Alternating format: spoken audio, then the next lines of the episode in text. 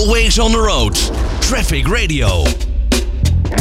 Ja, met de komst van de klimaatplannen zou je verwachten dat verduurzaming in de mobiliteit juist gestimuleerd wordt. Toch is dat niet het geval nadat er vorige week een uitgebreid maatregelenpakket werd aangekondigd door het kabinet. Althans, dat vindt de BOVAG. Zij noemen dit pakket namelijk zeer teleurstellend. Ik ga erover verder praten met Paul de Waal, woordvoerder van de BOVAG. Paul, goedemiddag.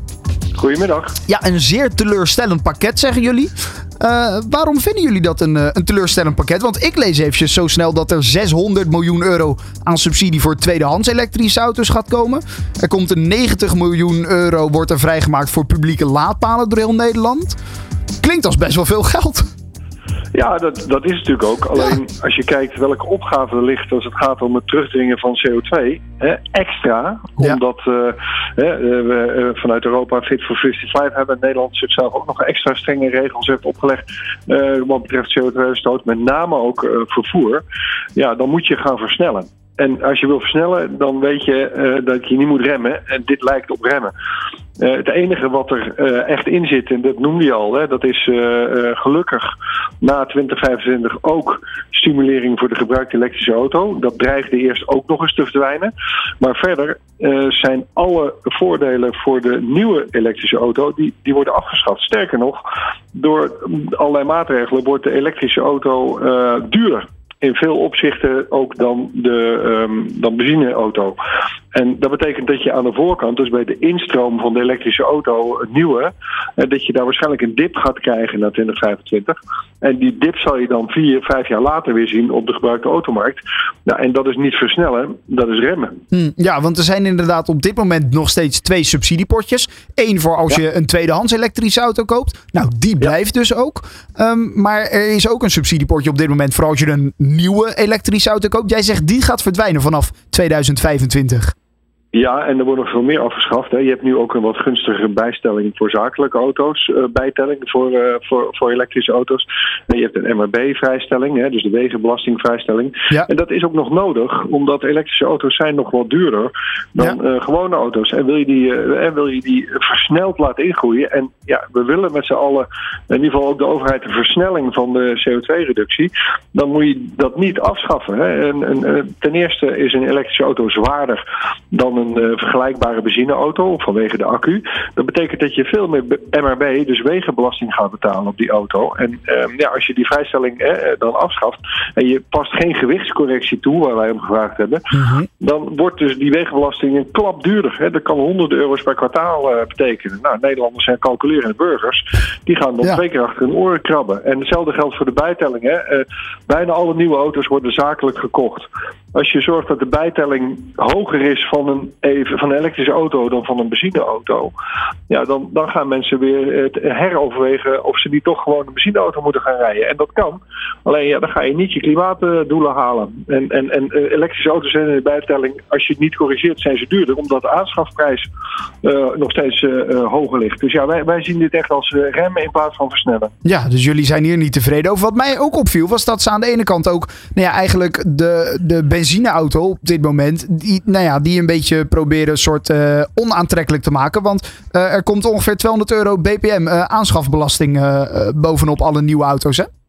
Ja, dat doen ze om, om die 600 miljoen op te halen om, uh, om die uh, gebruikte elektrische auto te kunnen uh, stimuleren. Hè. Dus dat, dat, dat, is ook zo'n typische overheidsgedachte. dat als je dan aan de ene kant stimuleert, dan moet je in hetzelfde domein, zoals we dat in Den Haag noemen, moet je dat geld ophalen. Ja, wij ja. zeggen, er ligt een klimaatfonds van tientallen miljarden. Haal dat daaruit. Als je, dat is bedoeld om de klimaataanpak te versnellen. Dan moet je niet dat weer bij een ander deel van datzelfde domein gaan ophalen. En wat nog zuurder is, is dat dus die verhoogde BPM, die gaat ook gelden voor elektrische auto's. Dus dat betekent dat die uh, ja, ook in aanschaf extra duur uh, worden door die, uh, door die maatregel. Uh, dus de kabinet schiet zich daarmee echt in de voet als het gaat om hun eigen klimaatambities. Hoe is hier verder dan nu op gereageerd? Want nou ja, aan jouw tonen en aan jouw antwoorden te horen, zijn jullie zeker niet tevreden over dit hele pakket. wat, wat zijn andere reacties die jullie hebben gekregen?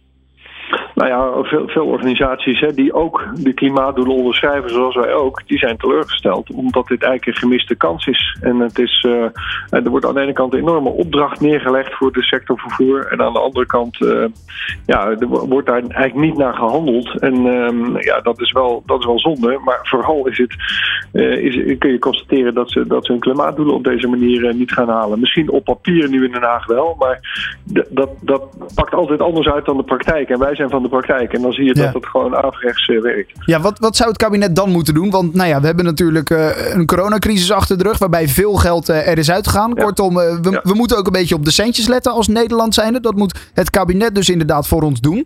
Betekent niet dat zij een oneindige geldpot hebben om, om uit te putten. Dus ja, dat ze op een of andere manier zeggen, ja jongens, we kunnen niet al die subsidies door laten gaan, is natuurlijk ergens ook wel begrijpelijk, toch? Nou ja, een oneindige pot is er, is er niet nergens. Maar er is wel een hele grote pot en die heet het Klimaatfonds. En daar zitten enkele tientallen miljarden in. En ja, zet die in op de plekken waar het effectief is. Dus dat geld is er al. Dat is al geoormerkt. Daar hoeven ze niet voor te gaan bedelen. Dus daar moet je een deel van inzetten voor vervoer. Als je vervoer versnelt wil vergroenen. En dat, en dat willen ze. Maar uh, ja, dat, dat, het enige wat er dus overblijft is, uh, is, is een verlenging van de subsidie voor gebruik. En die wordt ook nog eens gehalveerd. Hè? Dus het wordt 1000 euro in plaats van 2000 ja, euro per auto. Klopt. Ja, wij denken dat dat niet genoeg uh, zoden aan de dijk zet als je, als je die versnelling van de, de CO2-reductie wil bewerkstelligen. Ja, hij zegt wel, de, de Rob Jetten dus inderdaad, die als minister van Klimaat dit natuurlijk ook aankondigde, dit pakket. Die zegt de, de occasions, de EV's die worden steeds goedkoper. Dus in dat opzicht nou ja, zijn die subsidies niet meer nodig zometeen. Delen jullie die mening? Ja, op termijn klopt dat, maar nu nog niet. De, de, de, de, de, dus alle maatregelen stoppen nu op de, in 2025. En het enige wat dan blijft is die subsidie die gehalveerd is voor EV. Ja. Tegen die tijd ja, zijn lang niet alle auto's die op de markt komen al uh, prijsconcurrerend met, uh, met benzineauto's. Dus het gaat, je kan ook zeggen, we laten het aan de markt over. Dat is prima, op zich zijn wij daar altijd voor. Ja. Alleen ja, dan ga je je doelstellingen niet halen. Dus natuurlijk, op termijn zal er een gezonde gebruikte automarkt komen voor elektrische auto's. Alleen je wil die versnellen. En, en, en gebruikte auto's moeten eerst nieuw verkocht worden. Nou, als je dan een rem gaat zetten op de verkoop van nieuwe elektrische auto's, dan zal je ook ja. over vier, vijf jaar een dip zien in het aanbod op de gebruikte automarkt. En ja. dan kan je dus niet, zoals ook Jette en consorten voortdurend roepen, iedereen laten meedoen. Hè? Dat vinden ze heel belangrijk. Iedereen moet handelingsperspectief hebben, zoals dat in die Haagse jargon heet. Iedereen moet mee kunnen doen.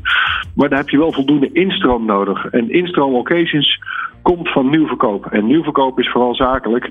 Ja, dan moet je daar wat aan doen. En Ja. dan moet je niet, eh, moet je niet eh, elektrische auto's eh, de komende jaren duurder gaan maken. Die moet je goedkoper maken. Wel komt, er nog, versnelling niet. ja, wel komt er nog aanvullend EU-beleid. Zijn we dan nu niet te vroeg met, met zeur, omdat er nou ja, misschien vanuit de EU nog het een en ander bepaald gaat worden, waarbij misschien nou ja, Europees breed subsidies aan zitten te komen?